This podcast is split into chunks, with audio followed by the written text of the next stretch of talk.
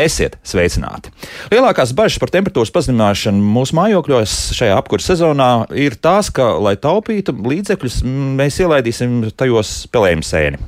Kā cīnīties ar pelējumu, un varbūt arī to, kā to nepieļaut, lai šis pelējums parādītos arī tad, kad varbūt daudz mēģinās ekonomēt un savā mājoklī turēt varbūt pat mazāk par 17 grādiem ziemas laikā. Par to šodien arī raidījumā. Mani studijas viesi - Rīgas Tehniskās Universitātes Būvniecības inženierzinātņu fakultātes siltuma gāzes un ūdens tehnoloģiju institūta asociētie profesori Linda Mežule, sveicināti, Labrīt. un Jurģis Zemīts, sveicināti. Labrīt. Nedaudz eh, šobrīd atkārtosimies. Pirmdien mēs jau sākām par to zināmā mērā runāt, un uh, iespējams, ka mūsu radioklausītāji kaut ko dzirdēs vēlreiz divu dienu laikā, bet nekas. Kāpēc tad spēlējums īsti rodas? Kas sāks? Jurģi, varbūt sāksiet, ja? Nu jā, nu jāsaprot, ka pelējums ēnas visu laiku ir gaisā. Līdz ar to potenciāls viņām pēc tam kaut kur rasties uz kādas virsmas un augt visu laiku ir esošs jūsu ēkās iekšpusē. Nu, un, ja ir sakrīt labi, labvēlīgi apstākļi, tad šīs atsevišķās pelējuma ēģu sporas var izveidot kolonijas un sākt augt, un jau redzēt, nu, jūs viņus varēsiet redzēt, un viņas tālāk izplatīsies. Nu, kādi ir tie labvēlīgi apstākļi? Tātad tas ir paaugstināts mitrums. Kāds šobrīd jā, ir? Jā, kāds šobrīd ir ārpusē, bet nu, iekšpusē tā tad ir vēl lielāks. Um, otrs jābūt ir nu, bez gaisa kustības, tātad viņam patīk, ka nav gaisa apmaiņas, tātad mierīgs, kaut kur tumša vieta, noslēgta, tātad stūri. Um, nu, jā, kopā ar mitrumu un esošiem pelēm sēnēm, tātad viņas var attīstīties un augt. Augsts neizbēgami, vai tomēr uh, mēs varam kaut kādā veidā ar to nu, sākt jau, jau preventīvi cīnīties? Nu, preventīvi, jā, ir, ir veidi, kā, kā no tā izvairīties. Nu, pirmais, tas, ko droši vien cilvēkiem parasti ir visgrūtāk darīt, tas ir mainīt kaut ko savos paradumos. Uh, nu, ja tā tad, ja mums ir parasti šis risks sēnēm ir uh, sākt augt, ir tad, ja ir paaugstināts mitrums relatīvais, un parasti šis robeža ir 80%. Nu, kā tos 80%, nu, tad mums ir dažādi veidi, kā nesasniegt šo 80% līmeni, lai nu, nebūtu šis risks viņām augt, tām augt. Um, nu, tātad, ko, ko mēs varam darīt, ir saistībā ar saviem paradumiem. Tas ir sekot līdzi dažādiem mitruma izdalījumiem telpās. Piemēram, mēs gatavojam ēst, vienmēr ieslēdzam līdz nosūcēju liels mitruma izdalījums. Uh, tas pats vannas istabā ejam, ejam vannas istabā, nomazgājamies, tur ir atkal ir liela mitruma izdalījuma, ieslēdzam ventilatoru, ja ir kāda privāta māja, atveram logu, izveidojam ārā šo sakrojošos mitrumu. Tā teiks, uzreiz ir viens precizējošs jautājums. Jā, tomēr, nu, pieņemsim, daudz dzīvokļu tajās blokmājās, tur bija pasīvā, teiksim, ventilācija arī vannas istabās. Jā to kaut kā var veicināt, vai ar to vajadzētu pietikt, ja tur viss ir absolūti kārtībā visā sistēmā, visā daudzdzīvokļu mājā? Nu, tur jūs paši, nu, daudz cilvēku paši ir uzstādījuši šos lokālos sadzīves nosūcējus, teiksim, tā, lai būtu nu, kaut kāda nodrošināta šī mehāniskā ventilācija. Jo, nu, tajā laikā, kad viņas būvēja, nu, tad nebija šāda mehāniskā ventilātora parasti, tad darbojās visus dabiskās, dabiskās vilknes principu. Nu, tur arī jāskatās, ir, piemēram, ja ir 9 stāvu māja, tad pirmam stāvam būs eh, labvēlīgāk apstākļi no ventilācijas eh, skatu punktu, jo būs eh, šis dabiskā vilkme daudz lielāka. Tiem, kas dzīvo 9. stāvā, nav, nav paveicies šajā aspektā, jo viņiem ir daudz mazāk šī dabiskā gaisa apmaiņa. Līdz ar to nu, viņiem ir lielāks risks, ka būs kaut kādas problēmas. Tā, bet vai tas nozīmē arī to, ka nomainītie logi arī kaut kādu lomu spēlē tieši šajā dabiskajā vilkmē, ja mēs par to runājam? Nu, pieņemsim, tagad ir ielikt plastikāta, metāla vai atvainojas alumīnija vai, vai koku pakaļš logi. Līdz ar to tur arī viss ir stipri mainījies, kā tas bija kādreiz paredzēts pēc inženiertehniskajiem risinājumiem. Um, jā, protams, jā, viss šīs tēku renovācijas un logu nomaiņas, ko bieži cilvēki paši dara kā pirmo, pirmo savu ieguldījumu ēkas energoefektivitātes uzlabošanā, tas samazina šo šo oriģināli plānoto dabisko gaisa apmaiņu, kas tur nu, kā oriģināli radīs, radis, jā, radušos caur neblīvumiem, caur kaut kādām spraugām. Nu, kā kaut kur vienkārši caur konstrukcijām ienāk šis gaiss un apmaina jūsu ēkā esošo gaisu. Nu, bet mēs paši kaut ko esam uzlabojuši. Tad, tad, ja mēs gribam izvairīties no liekiem siltuma zudumiem, protams, mēs gribam samazināt šo nekontrolēto gaisa apmaiņu. Bet nu, no ventilācijas skatu punkta tad mums jāparedz kādu kontrolētu risinājumu, lai mēs paši pēc tam, tagad gribam ventilāciju, mēs viņu varam tomēr dabūt. Mm -hmm. Tas nozīmē, tā, ka mēs paņemam kādu nezinu, putnu spalviņu, maz drusciņu kaut kur noliekam. Ja kaut kāda plūsma ir, tad, tad ir labi. Ja, ja jau ir pilnīgs miers, tad profesori mežā tā sarauc pierka, kāpēc. Ne, tā, ne, tas nebūs labākais eksperiments. Nu, es, es varbūt vairāk no tās bioloģijas puses Jā. gribēju pieminēt tas, ko, ko Jurģis Zemīts arī sāka stāstīt, ir tas, ka uh, praktiski ir jāsaprot to, ka mēs, tās ēnas būs mūsu apkārtējā vidē. Mm -hmm Viņas ir gaisā, viņas ir ārtelpās, tas ir ārpusē, iekštelpās, un nu, mēs nevarēsim izvairīties. Kā, kā parasti saka, tāda īsta mikologa, neviena vannas istaba nav no sēnēm brīva. Jā, jautājums ir ideālākā, ja sakā. Pat visideālākajā mēs atradīsim. Vienkārši jautājums ir, kurā brīdī tas sāks traucēt mūsu ikdienas dzīvi, kurā brīdī vai nu mēs to redzēsim vizuāli, uh, vai nu mums sāks parādīties kaut kādas veselības problēmas. Um, un, un, un tā uz priekšu, un pieminot uh, tos faktorus, bez šīs te mitruma gaisa apmaiņas, uh, vēl viens jautājums ir attiecībā uz to, nu, ko tad tai sēnē būs ko ēst. Un, ja mēs vannas istabu, teiksim, pēc mazgāšanās tīram, varbūt tās reizi gadā tikai, ja, kur ir visi ziepju nosēdumi un dažādas citas lietas, kas paliek. Um, vai, teiksim, virtuvē tos pašus visus uh, pie nosūcēja esošās lietas, tad uh, mitrums kopā ar sliktu gaisa apmaiņu ir un kārtīgām varības ja? vielām, Jā. nu, tas rezultāts ir tāds, kā viņš ir par to eksperimentu ar to spalvu. Nu, Paskatīt, nē, nu, nē, nu, ja, ja, ja tas ir kaut kāda plūsma. Nē, nu es tā iedomājos, nu, tad tu vismaz tādu. Nē, nu, tam, nu, ja ir kaut kāda plūsma, tas nu, no vienas puses ir labi, vai ne? Jā. Nekontrolēta gaisa plūsma, nu, jūs viņu. Varbūt viņi kaut kādu gaisa apmaiņu radīs, bet vairāk tas būs kā, nu, vienkārši atdzesēs jūsu telpu, to konstrukciju tā vidē, un ir uh, augsta virsma, nu, tā tad kaut kur pie ir veca loga. Nu, mēs mm. esam bijuši tādās telpās, nu, ir, pie palodzēm ir reāli augsts, tur arī izsitīsies šis kondensāts un sēnēm. Viņas e, augstumu pacieš ļoti labi, tādu, kuru cilvēkiem būs jau nekomfortabli. Viņas mierīgi tur pie 12 grādiem, vēl zemāk līdz pat nu, plus 5. Viņām tā nav problēma, lai augtu. Tad nu, labāk ir ka viss mums ir labi nosiltināts, ir labi logi, bet mums ir kāda nu, kontrolēta ventilācija. Mm -hmm.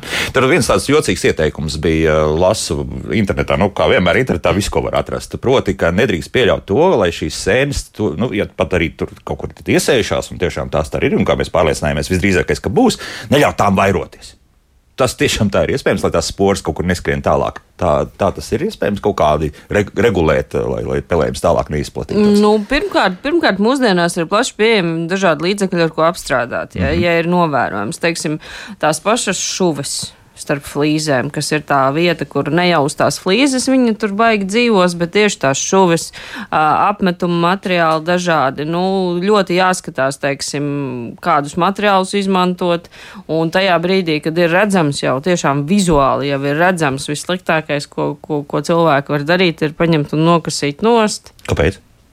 Nu, tāpēc, ka reku ir izaudzis, noņemsim nost. Nu, jā, Sliktākais jā, jā, jā. ir tas, ka tajā brīdī visas tās sporas, kas, kuras viņi ir izveidojusi, nonāks gaisā. Mm. Un, nu, un tad, ja vēl būs tā labā ventilācija, tad gaisa plūsmas un visu, visu vai, pacels teiks, gaisā. Pacels gaisā, vai tad, teiksim, ja ir slikti, tad, teiksim, ventilācija nav, tad šajā gaisā viņas var uzturēties ļoti ilgi. Nu, un tad, ja sākotnēji jums bija viens pleķītis, kaut kur maziņš, kurš uh, pēc tam ir palicis pa pussienu, pa veselu sienu.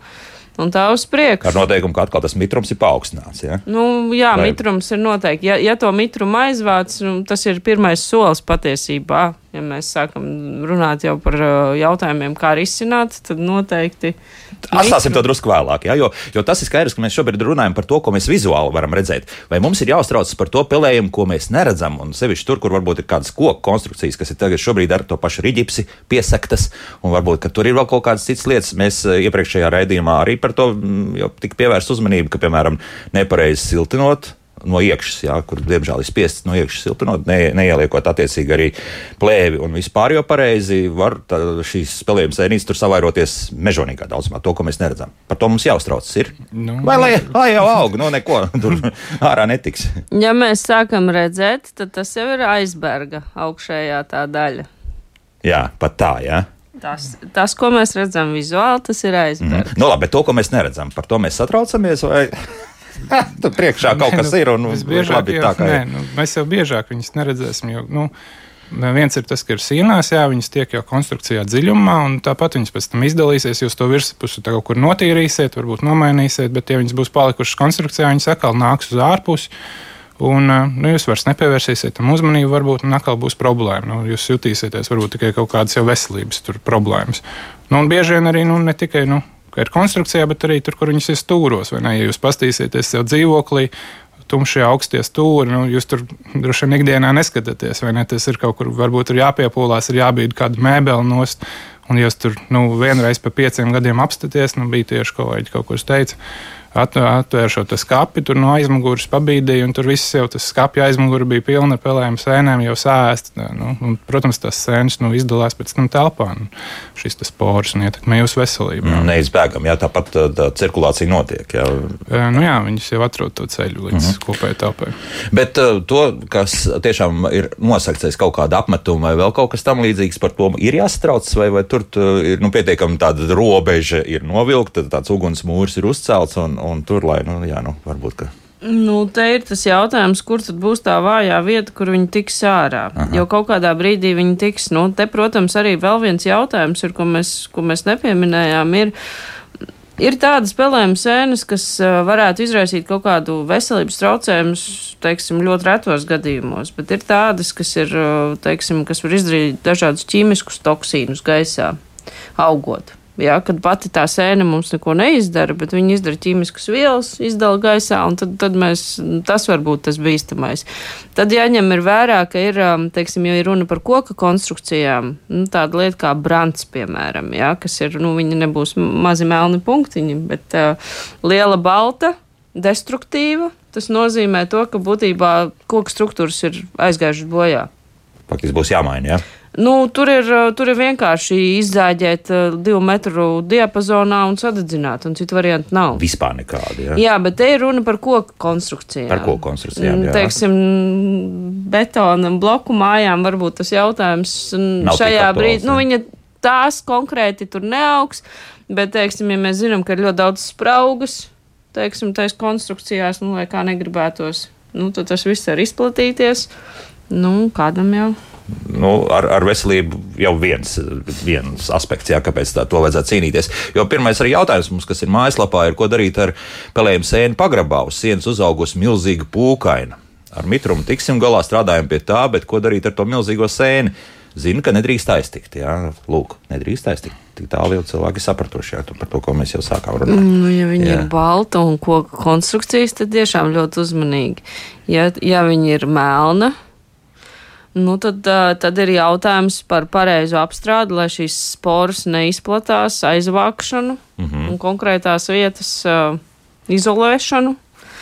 Mm, teiksim, uh, un tad, uh, tad pēc tam vēl kārtīgi nomaiņu. Nu, Nu jā, nu mēs laikam neesam tie, kas ikdienā nodarbojas ar to iznīcināšanu, iznīcināšanu bet cik nu es zinu, jā, ja ir parasti iedalīt, nu, pieksim, pēc tā problēmu vietas lielumu. Ja viņš ir teiksim, līdz kaut kur kvadrātmetram, tad kā saka, ka cilvēks pats tur var nu, cīnīties, var tur novākt. Viņi ja ir jau lielāki, tad labāk ir nu, speciāls dienas, savu, kas tur nu, viņiem ir īpašāk šie apstrādes līdzekļi, nu, kaut kāds pēctērps. Tā, lai viņi arī jau ir apmācīti, tā, lai neaiznes pēc tam šīs sēņu sporas kaut kur citur. Jo tur vajag to vietu noizolēt, un speciāls varbūt kaut kādas uh, Nu, ja ir oficiāls gadījumos, tad tur vajag nu, tā, lai neaiziet uz citām telpām. Nu, pagrabā, nu labi, tur varbūt tik liela tā problēma nav. Bet, jā, nu, kā tā, nu, vispār tā novākšana notiek, jā, tur ir nu, apstrādā ar šiem ķīmiskajiem līdzekļiem, tur ir dažādi internetā, ka tur var ar nu, etiķi. Jā, etiķi, nu, tātad sārmiem.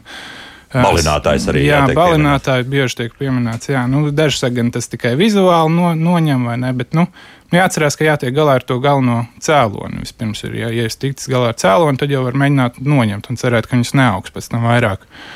Nu jā, pēc tam fiziska apstrāde, tāda nu, berzēšana, bet nu, tajā berzēšanas procesā, protams, tās sporas nu, lido pa gaisu. Līdz ar to jums vajag arī viņus savākt, sasūkt kaut kur nu, ar HEPA filtriem. Tur tā viņas kaut kur neiekļūst pēc tam citur. Un pašiem arī lietot uh, respirators. Nu, respiratoru mums tagad droši vien visiem ir mājās. Šis tāds FFP2, jā, derēs tāds, jā? Man liekas, ka jā, vai jā. FFP3 vai 2 viens no tiem mm -hmm. bija. Jā. Nu, un arī acu aizsargs, jā, jo caur acīm arī var iekļūt iekšā. Jā. Tā, tas, tas praktiski obligāti prasība nu, būtu mūsu Cīņa, radioplastē, ja jā. mēs sākam, tad uzreiz abruņojamies. Jā, Jā, arī paši, jā. drošība, jā, jā, jā, gadījumā. jā, jā. Redz, ka mums uh, raksta arī, ka sēne ir balta pūkaina uz akmens dolomīta. Laikam, tas būs pats mūsu radioklausītājs raksta, jā. Redz, uz dolomīta dzīvo tīri labi jūtas. Nu, sēnē vajag ko ēst, jā. Nu, viņa ēd organiskas vielas. Nu, pašu akmeni nu, viņš nav organisms, organisks. Jā. Viņa, viņas eh, pārtiek no tā, kas ir uz šī akmens virsmas, šis te bio- biofilms vai kādiem nu, putekļiem. Nu, tur, kur viņi var kaut ko ēst. Līdz ar to viņi pašā šajā akmeņa struktūrā tā iekšā īsti neies. Bet mēs redzam viņu uz šī akmeņa, bet patiesībā viņi pārtiek no tā, kas ir jā, uz akmens organiskām vielām. Tā kaut kas tur ir tāds labi ēdams, jā, jā, Jā, ko, ko var ēst. Jā. Jā. Savukārt, Ivars mums uzdod šādu interesantu jautājumu. Vai, nu, sakarā to, ka mēs tomēr dzīvojam tādā mitrajā zonā, 84% nitruma, vai būvnormatīvos nevajadzētu vispār ierakstīt, ka jaunu māju būvniecībā izmantot tikai kondicionierus? Un, nu, Kad šeit, jā, kondicionieru to mitrumu mēs varam diezgan labi regulēt. Nu, par mitrumu vienīgais, ko vajag atcerēties, nu, ko nozīmē 84% relatīvais mitrums. mm, ja mēs skatāmies, ir jāsaprot, ka mitrums, relatīvais mitrums vienmēr iet kopā ar temperatūru. Ja jums ārā, ko mēs paklausāmies tagad ziņās, vai nebūs, būs visu laiku ziemas laikā 90-95% relatīvais mitrums. Bet ir jāsaprot, ka mm, kopā ar šo zemo temperatūru tas patiesībā nozīmē, ka jums ir ļoti ārā ir ļoti zems absolūtais mitrums. Tātad šis ūdens tvaiku saturs ir zems. Uh, un iekštelpās tur ir atkal mums ir augstāka temperatūra, līdz ar šis, to šis te potenciāls siltajam gaisam u, akumulēt mitrumu ir daudz lielāks. Ja mēs ielaidīsim iekšā šo augsto, bet relatīvi mitro gaisu telpā, kas notiks ar relatīvo mitrumu? Līdzināsies, vai, vai Viņš samazināsies. Tāpēc, ka telpā ir siltāks un šis ārā gaisiņš ir absolūti sauss. Jūs līdz ar to izveidināsiet ārā šo te ūdens tvaiku no jūsu telpām uz ārpusi. Mm. Tad atkal vēlreiz Bet varam būvnorm- vaļā jā. logu. Jā, Par, arī būvnorm, ziemā. Jā. jā, par būvnormatīviem ir jau ir, ir dažādi aprēķini, kas liek arhitektiem pārbaudīt, vai jūsu konstrukcijās nesakrāsies mitrums gadu laikā, vai šis te mitruma uzkrāšanās nav, nav pozitīva. Tur jāparedz tāpēc tās tvaika barjeras. Um, jārēķina, jārēķina atbilstoši tur Eiropas standartiem, un tas jau tiek darīts. Mm -hmm. Bet kondicionieri, ko minēja, jā, tas, ir, uh, tas ir viens no tādiem aktīviem risinājumiem. Tātad, ja mēs gribam šo mitrumu samazināt, kondicionieris darbojas kā sausinātājs, tāpēc, ka uz viņa virsmas ir ā, zema temperatūra, un pēc tam ir kondensāta novads. Tātad nu, tas kondensāts, no kurienes viņš rodas, tas ir tas gaisā esošais mitrums, kas tiek savāts un aizvadīts uz kanalizāciju. Um, nu, vai kā obligāti prasība Latvijā vajag kondicionieri? Nu, Laikam jau, vasaras laikā droši vien visi jau gribēs, ja, bet, Jā. nu, lai priekš rīta mitruma savākšanas, droši vien tas nav vajadzīgs kā obligāta prasība. Bet, jā, bet profesori, nu, pieņemsim, eh, skatījos, ka šo vasaru, tad, kad bija tās diezgan augstās temperatūras, kur gāja pāri 33, 34 grādiem, daudz ātri steidz iepirkt arī šos portatīvos gaisa kondensētājus, kuriem nu, tā obligātā prasība ir tāda, ka jā, jābūt logam vaļā un tā šļūtenē jāiet ārā, ir obligāti, jā, nu, tā tā mirlē, lai tā fizika darbotos. Varbūt to var kaut kad arī ziemas laikā šādi iedarbināt, pie nedaudz atvērta loga, nu, mēs paraujam ārā vēl to papildus to mitrumu. Vai no tam nav jēgas īsti? Um, es biju viens no tiem, kas nopirka jā, šo Jā, jā, portīvo nu, nu. Ziemā ziem- lietos? Ziemā, nē, nu man pašlaik telpās man ir. Ir kārtībā Ir mitrumu, viss kārtībā. Nu, tas, ko cilvēki var darīt, lai pārbaudītu, viņi var nopirkt nu, salīdzinoši lēti. Ir šeit higrometri vai ne, kur ir temperatūra, mitruma rāda un pastīties, kas jums telpās notiek. Nu, man pašlaik ir 50%. Nu, vakar mēģināju veidot, nekas īsti nemainījās. Nezinot, ka vakar ārā bija arī ļoti mitrs. Um, bet šie portatīvie zasētāji, vai viņi arī sausinās? Bet um, man liekas, ka nu, jūs jau negribēsiet ziemas laikā papildus dzēsēt savu telpu, ne? Diezgan ilgu laiku, laikam, sanāks. Jā. Jā. Ir, sp- nu, ja jūs gribat mm, sausināt, tad ir speciāli sausinātāji, kuri jums uh, savāks šo ūdeni un nedzēsēs telpu pie Mhm. Nu, labi, tad to, to atmetam. Tādas manas dulās idejas caur neiet. Bet um, vai arī vēl viena tāda jocīga, jocīgs ieteikums, kas internetā ir atrodams, ir fēns, parastais matu fēns. Attiecīgi mēs no, ieraugām to vietu, kur tās attiecīgas poras, vai pareizāk sakot, šī pelējuma sēnīte atrodas, un tad nu, sākam lēnām garā to vietu karsēt, un tas varot palīdzēt. Tiešām var palīdzēt. Nu, vieta Tāda izkarsēšana, nu, uzkarsēšana, jā. Sausināt viņš sausinās, Jā. bet vai tas palīdzēs viņus mm. novākt? Novākt noteikti nē, bet jā. uh, tad, kad viss ir nu, novākt, drīzāk, novākts un ja, ja ir kaut kādas jau apstrādes veiktas, lai viņu izžāvētu pēc tam, tas, tas, vēl, tas vēl tā. Bet novākt labāk nē, uzreiz, mm. ja, ja cevišķi vēl ir redzama tā sēna, tad jūs tur vēl labāk dabūsiet. Jā, vēl viss pats ir gaisā, jā. Mm -hmm. Nu, tad varbūt fēnu, varbūt tas ir dažreiz, nu, ne gluži fēnu, bet lielāku sildītāju var izmantot. Nu, piemēram, mēs jau runājam, kā, ka mums visu laiku tas relatīvais mitrums ir augsts, bet bieži vien sēnes jau rodās, pelējums sēnes.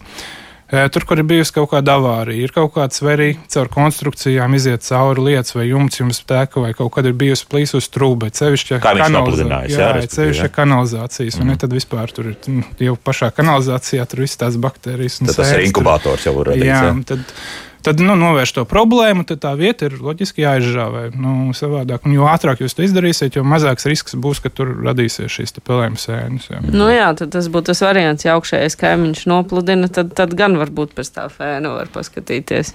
Burtiski, jā. Nu, jā, bet tas ir žābēt, nevis, lai, žābēt, lai novāktu sēnes, bet, bet lai novērtu risku, ka tur radīsies. Jā. Nu jā, labi. Tā, eh, laiks mūzikai pēc mūzikas turpināsim. Eh, viens zvaniņš mums arī paredzēts ir, eh, kur mēs sazināsimies ar jūsu kolēģiem no Rīgas Stradiņu universitātes, ar Žānu Martinsonu, un tur drusku arī par to, par to senīšu ietekmi uz mūsu veselību. Bet tas pēc 3 minūtēm un 38 sekundēm. Kā labāk dzīvot? Šeit studijā Rīgas Tehniskās Universitātes Siltumgāzes un ūdens tehnoloģiju institūta asociētie profesori Linda Mežule un Jurģis Zemītis, bet šobrīd attālināti esam sazinājušies ar Rīgas Stradiņu Universitātes docentu un Vides un veselības institūta vadošo pētnieci Žannu Mārtinsonu. Žanna, labrīt! Labrīt! Un tā, mēs eh, esam daudz runājuši šajā raidījumā par to, nu, par rašanās cēloņiem, kāpēc tā pelējuma sēnīte ir. Un, eh, diemžēl jau esam noskaidrojuši, ka tā pelējuma sēnīte nu, lielākā vai mazākā mērā tāpat būs eh, mūsu mājokļos. Bet kādu iespaidu pelējuma sēne atstāja uz mūsu veselību? Jā, ja mēs runājam par veselību, kolēģi jau ļoti labi minēja to mm, izplatīšanās ceļu, jā, tad tas ir gaisa, tad dieelpojot. Mēs uzņemam šo, šos, šīs sporis, kas var saturēt arī šos te, nu, metabolītus, jā, šo, šo te sēņu, un, nu, mēs varam apsaukt endotoksīnu mm, dažādos veidos, bet principā tā nav tikai spora, tas var būt arī tas. Um, tas ķīmiskais savienojums, ja tā drīkst. Tad mēs ielpojam, skaidrs, kad uh, notiek šī te saskare, kas, kas tad tiek, um, uh, nu, tā tās reakcijas ir, tad vai nu tad mums ir tā alerģiskā reakcija, ja? vai nu mums ir, uh, vai nu mums ir šī te ietekme uz uh, elpošanas sistēmu. Un atkal, uh, te jau ir tā, ka tā alerģiskā, nu, tad praktiski veselam, jā, cilvēkam var būt tā, ka mēs jau, nu, tas, tas, um, tas um, nejaukums, ko var izdarīt, ir tas, ka mēs varam kļūt alerģiski. Ja? Un, protams, šeit atkal ir runa par uh, varbūt tām uh, jutīgām grupām, ja bērni, uh, veci cilvēki, kroniski slimnieki, kuriem jau ir problēmas, ja ar elpošanu tas ir viens. Kāpēc noteikti, kā kolēģi teica, kā parādās, nu, noteikti uzreiz jāmēģina to visu notīrīt, dabūt nost, jā, nedodies ieiet dziļā konstrukcijās un pēc kādu laiku izskatās viss ir jauki.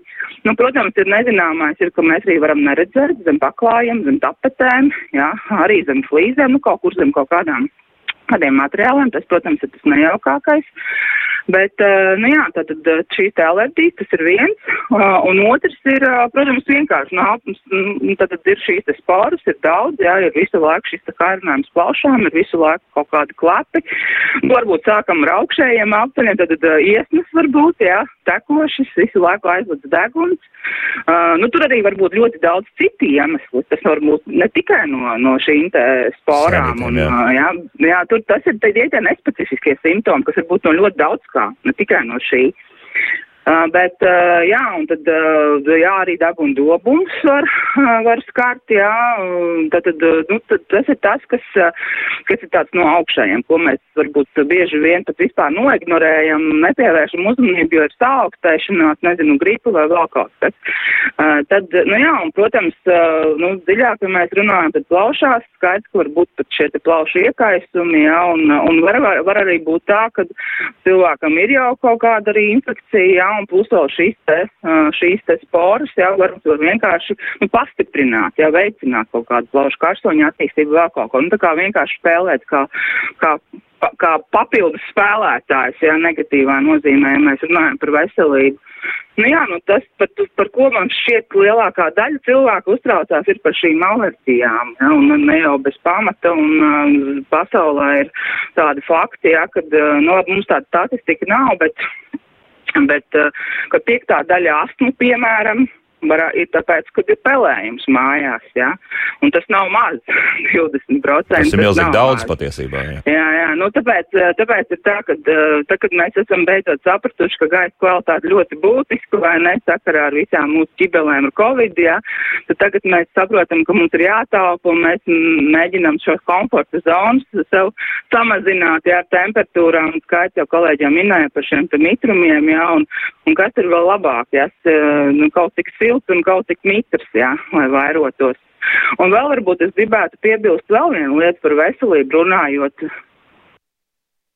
Jā. Ir tāda lieta, kad, kad ir tāda lieta, kad mums, kad mēs cenšamies iznīcināt kaut ko, jā, notīrīt šīs virsmas, tad uh, ir, uh, mēs lietojam šīs ķīmijas, ja, un mēs arī mēdzam pārcensties, jo mēs redzam šo, to, šo te melno vai pelēko um, pelējumu, ja, un mēs mēģinam dot papīru ar visādām ķīmijām. Un skaidrs arī šīs ķīmijas nav nekas, jau ar kolēģi runājot par respiratoriem, par visu pārējo, ja, uh, tad arī tīrīt un vākt nost to pelējumu, lai gudri, lai mēs to alerģiju nedabūnam, ja, ka mēs regulāri elpojam kaut ko, ar ko ir apstrādāta tā siena. Ja, tā kā arī pēc šīm te aktivitātēm visām jāsako līdz instrukcijām, kā ir jāveidina pēc tam telpas, ja kā vispār jāuzklāt. Tā, tā tad jādara. vēlreiz, tad, ja, ja ir uzklāt kaut kāds apmetums, krāsa, tad mēs saprotam, ka šāds tīrīšanas līdzeklis kaut kādā veidā to reaģē, un tad mēs dabūnam vēl kaut kādu papildus kokteili sev. Nē, tas jā. pats ķīmiskais, tas pats līdzeklis var saturēt. Tas pats līdzeklis var saturēt, tas pats chlors, nu tipiski chlors, jā, nu jā. vai nedod Dievs, uh, ka tur arī vēl ir fungicīdi klāt ja, kurus, par kuriem mēs daudz runājam par lauksaimniecību, runājot, ka negribam mēst, ja, bet tad mēs viņus varam iekštāpāt uh, ieelpot daudz, ja. Tā kā, principā, skaidrs, ka to vajag darīt un vajag tīrīt, uh, ja ir šie līdzekļi tīram, bet tad arī atbilstoši pēc tam tur nedzīvojam, kādu laiku vēdinam, ja, un tā tālāk. Nu, jā, šis būs mums visiem tāds izaicinājums, uh, taupot naudiņu, ka mēs to savu veselību nesabeidzam. Jā. jā. jā. Žanu, vien, vien, jā, jā, jā, jā, jā, jā, es klausos, jā.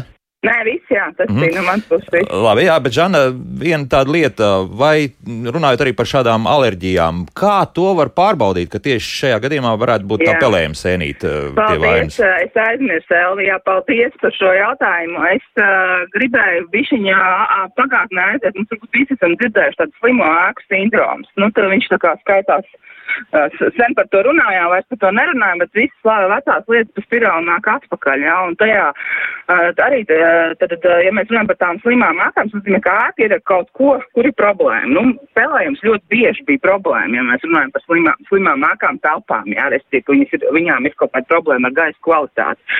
Un tad tas, tas ātrais teiks būtu tāds, ja mēs gribam bez kaut kādiem testiem uz alerģijām, jā, nu to arī, protams, var darīt. Kad, kad reti netiek galā un visu laiku ir tāds iesnas, aizlids deguns, nezinu, klāpus, nedod Dievs vēl elpas trūkums un vispārējais, jā.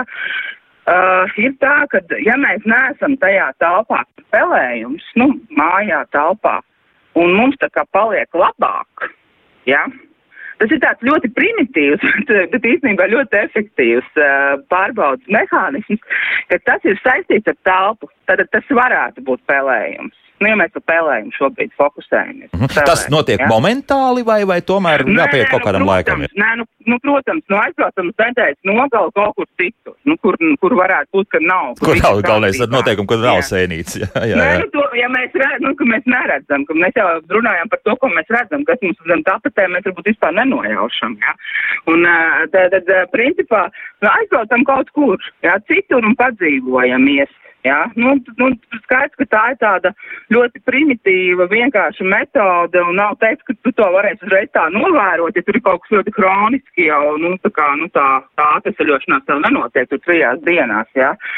Bet, uh, bet uh, varbūt tomēr ir vieglāk, ja tie simptomi samazinās. Nav tur tas acu, ko arī acis var būt sausas, ja iekaisušas. Arī tas var būt kādam kā, kā reakcija uz to, uh, uz, tā, uz tām sporām konkrēti. No arī tas var būt no putekļiem, no izkaut kā cita, vai ne, kā es saku, tie nav tādi mhm. specifiski mm. simptomi. Bet, nu, tālāk, tas tad, ir tāds jā. ātrais, jā. Ātrais tas ir tāds ātrais. Jā, tas ir ātrais tests, bet, protams, ka, ja ir aizdomas tiešām, ka tas ir hroniski, un es te runāju nevis par, par nedēļu vai divām, bet tas ir, nu, nezinu, ilgstoši jau problēma, un tad ir jāmeklē pie speciālistiem palīdzību un jāmin tas, ka iespējams varbūt tas ir ar pēlējumu vai ar kaut ko citu kādām citām varbūt, bet šobrīd mēs par pelējumu runājam, jā. Tad tālāk jau seko analīzes, jā. Jā, tālāk jā. seko jau analīzes un meklējam konkrēto alergēnu un skatāmies, ja to var iespējams tā, nu noteikti, nevienmēr arī to tā precīzi var pateikt. Jā. Bet jebkurā gadījumā mums nav jātīnās ar ar jau sekām mums vajag mēģināt dabūt nos, lai nebūtu šis te aģents, ja, lai viņš neiedarbotos uz mums. Mums par to un kolēģi jau par to runā. Ja. Jā, un par to turpināsim arī runāt. Te viens jā, jautājums, es nepielikšu no mājaslapas. Mums radioklausītājs jautā, vai kaut kur ir mm, iespēja pārbaudīt uh, šo attiecīgu sēnīti, kas tur ir izaugusi, vai vispār no tā ir kaut kāda jēga? Nu, to, to jēgu es tagad pielieku klāt, ja? Jā, varbūt, jā? jā, varbūt arī RTU kolēģi. Jā, jā, mēs tūlīt arī to, viņi to runās. Jā. jā. Nu, es zinu, ka mums tas ir tādā entuziasma un uh, līmenī, ja mums ir mikrobioloģijas katedra, mēs sadarbojamies, viņi var identificēt, jā. Ir iespējams uh, sūtīt un identificēt. Nu, protams, tas ir maksas pakāpojums, var meklēt RSU, uh, nu, tur laboratorijās, jā, tā kā var, var, var meklēt, jā, var. Un es pieļauju arī, ka Latvijas universitātē gan jau, kad var bioloģijas fakultātē identificēt, un, uh, ja tas ir specifiski vajadzīgs kontekstā, lai saprastu, kas tur izdalās varbūt tiem toksīniem, bet uh, savādāk, uh, lai apstrādātu un izmantot, nu, tā kā novāktu, es nezinu, vai tas ir ļoti specifiski, vai Eh, tam to fokusēties, lai noskaidrotu, kas tieši tas ir. Bet varbūt var, vajag, mm -hmm, nezinu, varbūt skaidrs. arī var jā. Jurdis um, pakomentēt. Vai, labi, labi, jā. labi, labi, tūlīt, tūlīt, tūlīt mēs arī, arī viņiem, ar mūsu viesiem studijā runāsim. Žāna, paldies! Eh, ieskats mums ir Rīgas Stradiņu universitātes docenta un vidas un veselības jā. institūta vadošā pētniece Žāna Martinsona bija kopā ar mums. Jā, jā Žāna, vēl kaut ko piebildīs? Vai, vai... Nē, visu labu. visu labu, jā, laimīgi. Jā, jā visu labu. Un neslimojam. Jā, veselīgi mums visiem, jā. Mm -hmm, jā, labi, paldies, vislabāk.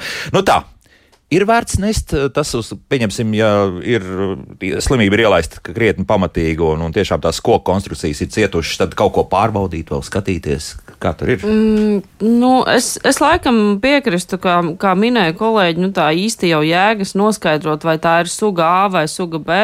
Uh, visdrīzākais, ka to problēmu tāpat neatrisinās. Um, tas, kas varbūt ir tās analīzes, kas varētu būt saistošas, ir teiksim, jautājums, uh, cik daudz viņas ir gaisā. Ja, teiksim, tas, ir, tas gan ir tādas lietas, ko veids un ko taisa, uh, tīri nosakot, vai nav pārsniegts šis fona līmenis. Uh, bet tur vairs nebūs svarīgi, kāda konkrēta tā ir sēne. Tas ir jautājums par to daudzumu.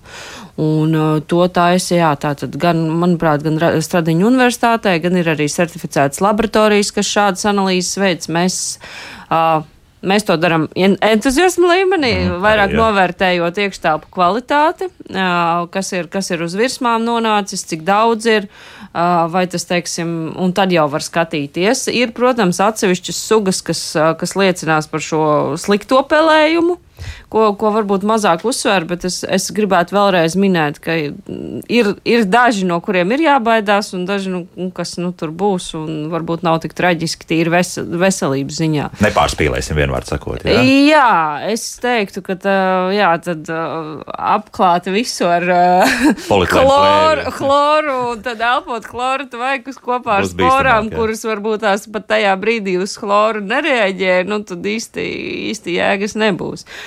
Tās, kas ir destruktīvās, nu, to jau uzreiz cilvēks pats redzēs, ka tur viss ko koks ir sagrauts, sagrausts, apēsts, un nu, ko tur vairs identificēt. Sāks kapitāla remonta pēc būtības. Ja.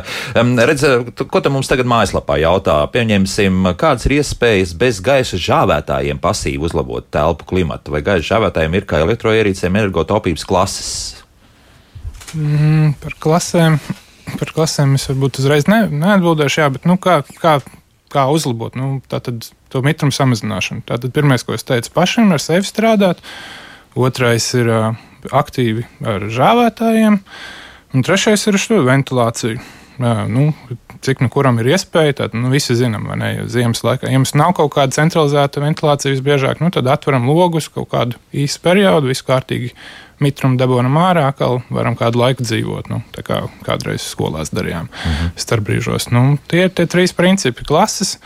Nu, klases žāvētiem. Viņiem parasti ir jauda, cik daudz viņš var šo te nu, ūdens daudzumu noņemt. Nu, nu, lielāks žāvētājs noņems lielāku daudzumu, lielāku tvērtni, jums retāk viņu vajadzēs tukšot. Bet loģiski arī vairāk elektrības patērēs. Ja? Um, nu, jā, elektrības patēriņš proporcionāls. Jā. Jā neizbēgami. Ja neizbēgami jā. Manuprāt, ir arī tāda mājas tāda varianta ar tabletēm. Ja es par tām tabletēm gribēju jautāt, nu, tas tad mitrumu uzsūcēja kaut kādu. Jā? jā, nu viņš gan vairāk lokāli strādās kaut kādās pavisam mazās telpās, bet uh, citreiz to, tas arī tāds, nu, vismaz viens. Bet tas gribēju... ir mazs telpa, tās ir vannas istaba toleti, ja? Es domāju, ka tur viņš var stāvēt non-stopā, ja nav. Jā. Es Lietuvu, es neesmu video vakar pastījos sagatavoties. Tur tieši viens bija pārbaudījis ar šīm te tabletēm, no, teica, un... ka slikti slikti. Nē, ka nestrādā. Nē, nu strādā, bet uh, vajag daudz, katru mazu telpu, un beigās tur ir tāds pretīgs šķidrums izveidojies. Nu, viņš jā, jā, jā, jā, jā, protams. Jā, jā, jā. Bet nu, ņemšanās ir ar to visu. Jā, jā. Jā. Jā. Bet es laikam, es nezinu, vai te varbūt Jurģis man iebildīs, bet es laikam teiktu, ka drīzāk šajos visos taupības laikos Nu, labāk tad, lai visu laiku ir kaut nedaudz, nedaudz, tomēr tā apkurss sistēma strādā uz nelielu, nelielu to jaudu, neslēdzam viņu ārā, lai tomēr arī tas nu, tāds, ja mēs tā temperatūra varbūt tiešām nebūs tas, tas noteicošais, vai mums ir 17 vai mums ir 20 grādi, bet lai tomēr bišķiņ, bišķiņ ir tas. Kāda jo, jo jā. tas, tas, tas, kad mēs tagad izslēdzam, kamēr mums esam paši telpās, mēs tur uzliekam tos 20, mums ir silti, tad mums pēc tam mēs paņemam, aizbraucam uz divām dienām un izslēdzam ārā. Nu, tas ir loģiski, jā, ja tu privāti mājā, jā. Bet, tā, bet varbūt, ka lai viņi tur uz mazāko iespējamo visu laiku mazliet ir. Un un tā, tas, mazākā, tas... tā kritiskā temperatūra kāda būtu? Kas būtu ne jāuztver? temperatūra. Nē. Temperatūra, nē, mitrums. Mit, jā, bet tas ir mēs, jā, jā, nu, mēs kā tur līdzsvarojam to visu. Uh, nu, varbūt, jā, nu, droši vien klausītājiem visi varbūt ir satraukušies, vai ne, kas saka, ka 19 grādi tagad visiem būs, vai ne? Jā, nu, uz tur. Pie labiem apstākļiem. Jā, jā, nu, ja mēs pastamies, ir tāda grafika, kur var labi redzēt, kā iet temperatūra relatīvo mitrumu, un es pastījos, ka, piemēram, pie, nu, ja mēs kā kādreiz domājam, nu, normāli dzīvoklī 22 grādi, un, piemēram, ideāli būtu 50%, relatīvais mitrums. Kas notiek, ja mēs samazinām līdz 19 grādiem, tad relatīvais mitrums pieaug par aptuveni 10% līdz 60%. Nu, tas priekšsēņu augšanas vēl ir ne, nu, par maz. Tā tad mm -hmm. viss vēl būtu normas robežās. Mēs varam samazināt iekštelpu temperatūru. Brīvi līdz kādiem tiem pašiem 15, 17 grādiem, nu, relatīvais mitrums nesasniegs vēl šajā gadījumā tos 80%. Nu, normāli, ja jums jau sākotnēji nav viņš ļoti augsts, protams. Mm -hmm. Tā, nu, turpinām lasīt, tad, eh, ko mums mājaslapā jautā. Nu, piemēram, par kondicionieru automašīnā. Braucot, jau viss ir labi, kad stāv un pēc tam ieslēdz, vai sistēmā tikmēr nav sēne savairojusies. Šeit atkal mums ir filtri jāmaina, jā, ik pa brīdim gaisa, jā, salonā. Mm, jā, ir, ir risks, jā, ka arī jums ir, piemēram, nu, nu, par automašīnām tas pats būtu arī skatoties dzīvojamā sēkās, jums ir šīs kaut kāda centralizēta ventilācijas sistēma, kurā ir parasti ir šie filtri. Un, ja vēl tur ir šis vecs kondicionieris, jā, tad loģiski, ka tas kaut kādā ziņā ir riska vieta, kur var rasties šīs sēnes, jo tur ir zema temperatūra, nu, uz dzēsēšanas sekcijas, tas ir kas kondicionierī, un augsts mitrums. Nu, tāpēc tur ir jāveic apkopes, jāpaskatās, var, nu, priekš kondicionieriem par mašīnām nezinu, bet priekš ventilācijas iekārtām, nu, jāiz, jāiztīra šis te kondensāta savākšanas trauks, ne? Jo tur nu, mums ir mitrs un augsts, tur sēnes var rasties, nu, un tad viņas atkal jums tieši trāpīs, izdalīsies jūsu ventilācijas sistēmā, ko mēs droši vien negribam. Nu, privāti mājās gan parasti centralizēta dzēsēšana nav. Tas būtu vairāk lielos oficiālos, lielveikalos un tam līdzīgi. Parasti privāti mājās nedzēsē caur ventilācijas sistēmu. Uh -huh. Un savukārt mašīnā, nu tad Nu, droši vien par mašīnām. Nu, tas tas varbūt cits stāsts. Labi. Madara mums tā drusku garāk komentāri, bet īsumā rezumējot, ir nopirkts dzīvoklis ar pusmetrīgām biezām sienām, dzīvoklis trešā stāvā un ēkas stūrī. Bet nu, ir bažas par to, ka arī remonts tur ir taisīts un nav īsti skaidrs, kas un kā ir uztaisīts šis remonts. Par to es drusku jau jautāju. Un viņai, protams, ir divi mazbērniņi. Nu, ir satraukums par to, ka vai tiešām, lai tiktu, ja tā, potenciāli tur tā sēna kaut kur varētu apakšā būt, ka būs atkal atkal viss jārauj nost un atkal viss pa jaunu jātaisa. Jā vai nē? Nu, risks, risks ir vienmēr jājūtas. Nu, jā, nu, jau, ir jau bijuši daudz gadījumu, ne, kad pirms pārdošanas vienkārši uzfrišina dzīvokli vai ne, nokrāso aptaisa reģipsi un nu, mēģina pārdot un viss aizmirst. Mm -hmm. nu, tad, nu, risks, protams, ir, bet kā tieši to nu, jaunai, nezinu, māmiņai ar bērniem pārbaudīt, nu, nu, bioloģiski. Nu, nu, ja alerģijas nav un neklapo bērnu, tad varbūt. Nu, es domāju, ja, ja, ja neparādās kaut kādas uh, veselības problēmas. Veselības jā, tad... problēmas. Nu, var jau taisīt analīzes, saukt, uh, saukt pārbaudīt tur kaut ko, bet nu, tas, ir, tas ir laika jautājums un varbūt, ka tur kaut kas ir bijis, bet nu, viņš ir. Nu, ne, nevajadzētu pārāk satraukties, ja, jo pagaidām viss ir kārtībā. Un, Sekot līdzi stāvoklim. Jā, un, un, un, un mūsu radio klausītāji tur jau trīs gadus jau dzīvo, nu tad izskatās, ka, ka nebūs nemaz tik traki. Tā, istabas stūros spēlējums, Signa raksta, vai reiz nedēļā apsmizinot ar speciālo līdzekli vai galda etiķi, vai var tādā veidā izsargāties no šīs sēnes. Nu, mēs jau par to it kā runājām, bet, bet profesori klāsta galvu, ka nē, ne, ne, nestrādās tas tā, ja? Mm. Nē, nevajag. Nē, nu, izsargāties, nu, viņas nu, nobeigsies tajā mirklī, bet viņi jau reizi nedēļā droši vien tas. Nu, tu etiķi elpot. Kādam varbūt patīk, tad tā etiķis paši nezinu. Nē, jā. Mm. Jānovērš cēloņi, teiksim tā. Jā, jā tiek ar to stūri galā, kas, kāpēc īsti mm, jā. jā, tas viss, jā. Mm -hmm. Tā, vēl ko mums jautā šobrīd, um, Daina uzdod tādu interesantu jautājumu. Kāpēc radio runā par mitru gaisu, bet nerunā par nesamērīgu sausu? 30% tikai relatīvā gaisa mitruma gaisa. Tur arī kaut kāda problēma ir. Vai, vai, vai? Šodien mēs nerunājam par sausu, jo mēs runājam par pelēm. Jā, Cit, citā gadījumā mēs, nu, Latvijā ir problēma ar sausu gaisa ziemā arī bieži. Jums ir nekontrolēta liela ventilācija, jums bieži vien iekštelpās būs pārāk sauss. Mm -hmm. Nu, bet tā, tā, tam nav īsti nu, priekšspēlējuma. Tas ir labi. Tas ir citi priekš citiem aspektiem, bet no spēlējuma rašanās tad, uh, ir mazs risks. Jā, jā tad tur Tas ir cits raidījums, te, tematikai jādomā. Tas visdrīzākais jautājums. Šeit, ja mums ir tik saules gaisa, tad, tad pelēm sēnēm tas galīgi nepatīk. Jā, jā. pelēm sēnēm nepatīk. Mm -hmm. Lūk, uh, Ilz mums savukārt raksta, ka esot uh, tīri labi strādājot kalnu saules lampu, respektīvi ultravioletais starojums, nogalinot. Mm. Jā, ir tas, ka sēnēm nepatīk ultravioletais starojums. Jā ir tieši saules. Vienam dzīvam organismam nepatīk. nepatīk. Jā, viņš jā. tiek sašķelts jau katrs. Mm, jā. Nu, jā, tas ir, tas ir, protams, labi, tikai tad ir jautājums. Uh, pirmkārt, par pareizo dozu, kas būtu jāskatās, otrkārt, tā tālums, treškārt, lai tur netiek, teiksim, nu, paši cilvēki var ļoti labi apsilināties Protams, ar jā. to. Un jautājums ir, nu, teiksim, tā, liezīsim tai sēnē papīra ar to gaismu. Ir jāatrod tā vieta, kur viņi ir, jā, jo, nu, vienu vietu apdedzinās, bet turpat blakus tad ir, tad ir jāiet, jāskatās ļoti, ļoti plašā. Bet, bet vispār, teiksim tā, nu, mēs laboratorijā strādājot, tas ir vislabākais veids, kā, kā dezinficēt virsmas. Mm -hmm. Uzliek šādas lampas, protams, cilvēki visu tajā laikā ir prom, ir noteikts kontaktlaiks, cik ilgi šādi te var darboties. Nu, tas ir viens, viens no labiem risinājumiem. Vienīgais, kas būtu jāuzmanās, ir um, ultravioletais. Uh, starojums, tātad veidosies, ja, ja šī lampa ir jaudīga, tad veidosies uh, ozons. Un, teiksim, un tajā brīdī jābūt ļoti uzmanīgiem arī. Tad, tad teiksim, tas var ietekmēt nelāgi arī pašu veselību. Mm. Nu, ja pārcenšas. Jā. Jā, tā kā ja, ja visu laiku tur to, to sauli liksies. Jā, ozona stratosfērā tur ir labi, bet, bet apkārt ozonēšana. Nu, bet jā. atkal tā ventilācija nāk palīgā un, teiksim, mēs, mēs varam nodezinficēt tās vietas un tad, tad teiksim, izveidināt, lai viņi tomēr nav šie, šie visi joni, kas, kas var kas var ietekmēt. Mm -hmm. nu, Ivars mums vēl raksta par to, ka jāatceras, līdz ko mēs atveram logu, tā sāks attiecīgi arī telpas vēsināšana. Nu, protams, jā, ka tas ir, tas līdzsvars kaut kur jāmeklē. To, jā, jā, jā. Mm. nu, atveram logu. Nu, tāpēc arī saku, ka ātri atvērt, nu, līdz ar to jūs dabūsiet, protams, īslaicīgi zemāku temperatūru iekštelpās, bet jūs needzēsiet konstrukcijas, un līdz ar to nu, viņas ātri atkal uzsils šis gaisa masa. Mm -hmm. Te mums raksta, ka pelējumam patīk arī biezas vecas grāmatas. Jā, starp citu, Jānis raksta, ka tabletes strādājot labi. Viņam jāliek tikai ūdens ārā uz palodzēm, mēdzam turēt. Uz palodzēm? Varbūt jā, tur, tur, tur tā cirkulācija gaisa notiek. Jā, tad varbūt tā tiešām ir ļoti pareiza recepte. Un vēl tāds jautājums. Ciemā nodeg māja, krāsmats stāvēja kādu laiku, sienas salījušas. Tagad uz tām pašām krāsmatām uzbūvēja jaunu māju, izmantojot vecās sienas un pārdot dzīvokļus.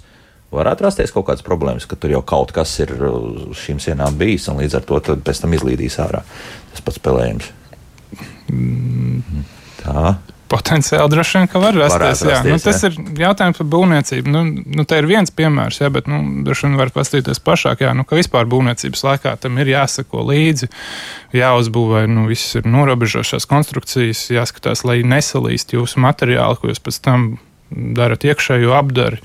Jānovāc ir kaut kāds mitrums, jāžāvē aktīvi, nu, kad nu, atkarība. Nu, jā. Jāsako līdz būvniecības laikā ir priekš, lai novērstu šo mitruma ietekmi uz jau pēc tam iekšējās apdares materiāliem. Vai jācer uz būvnieku attiecīgo goda prātību, jā, jā. Ka viņi visi izdarījuši pareizi un arī Nu, jā. iespējams dezinfekcija veikta. jā. Nu, tad, tad atkal mēs atgriežamies pie tā, nu, cik, cik mēs esam godīgi sabiedrība šajā jomā. Vēl Madara mums uzrakstīja par to dzīvokli, par ko viņi bažas. Nu, tomēr vecākam dēlam ir zināmas veselības problēmas. Un, Nu, vai galvenais jautājums ir pareizi nomainot apdaru un nosiltinot mūru ēku no iekšas, varam iznīdēt sēni? Nosiltinot, No iznīd, nu, iznīdēt, mēs varam ar šiem ķīmiskajiem, mehāniskiem Jā. līdzekļiem, bet novērst pēc tam rašanās eh, risku. Jā, siltinot var, bet no iekšpuses atkal ir ar to siltināšanu. Nu, Ir kā ir. Jā. ir kā ir. Jā, tas kondensāts var rasties aiz siltinājuma, starp siltinājumu nārstiem, tur uzkrāties un rasties. Mm. Paaugstināts mitrums. Jā. Un tagad vairāk jautājumi par, ja mēs runājam par ozonu, ja, kurš, kurš ir veidojis tajā brīdī, kad mēs kalnu saules, respektīvi ultravioletālu sta- starojumu lampu izmantojam, tad uh, par ozonatoru tādu ie- ierīci. Profesor, ko teiksit? Vai tas kaut kādā veidā var palīdzēt? Nogalināt. Mm, galvenais pašiem nesalpoties, bet uh, es zinu, ir cilvēki, kas ļoti atbalsta šādas uh, lietas, un ir cilvēki, kas ir kategoriski pret tā, ka tur, tur ir tieši tas pats. Cik garš tik plats, jā?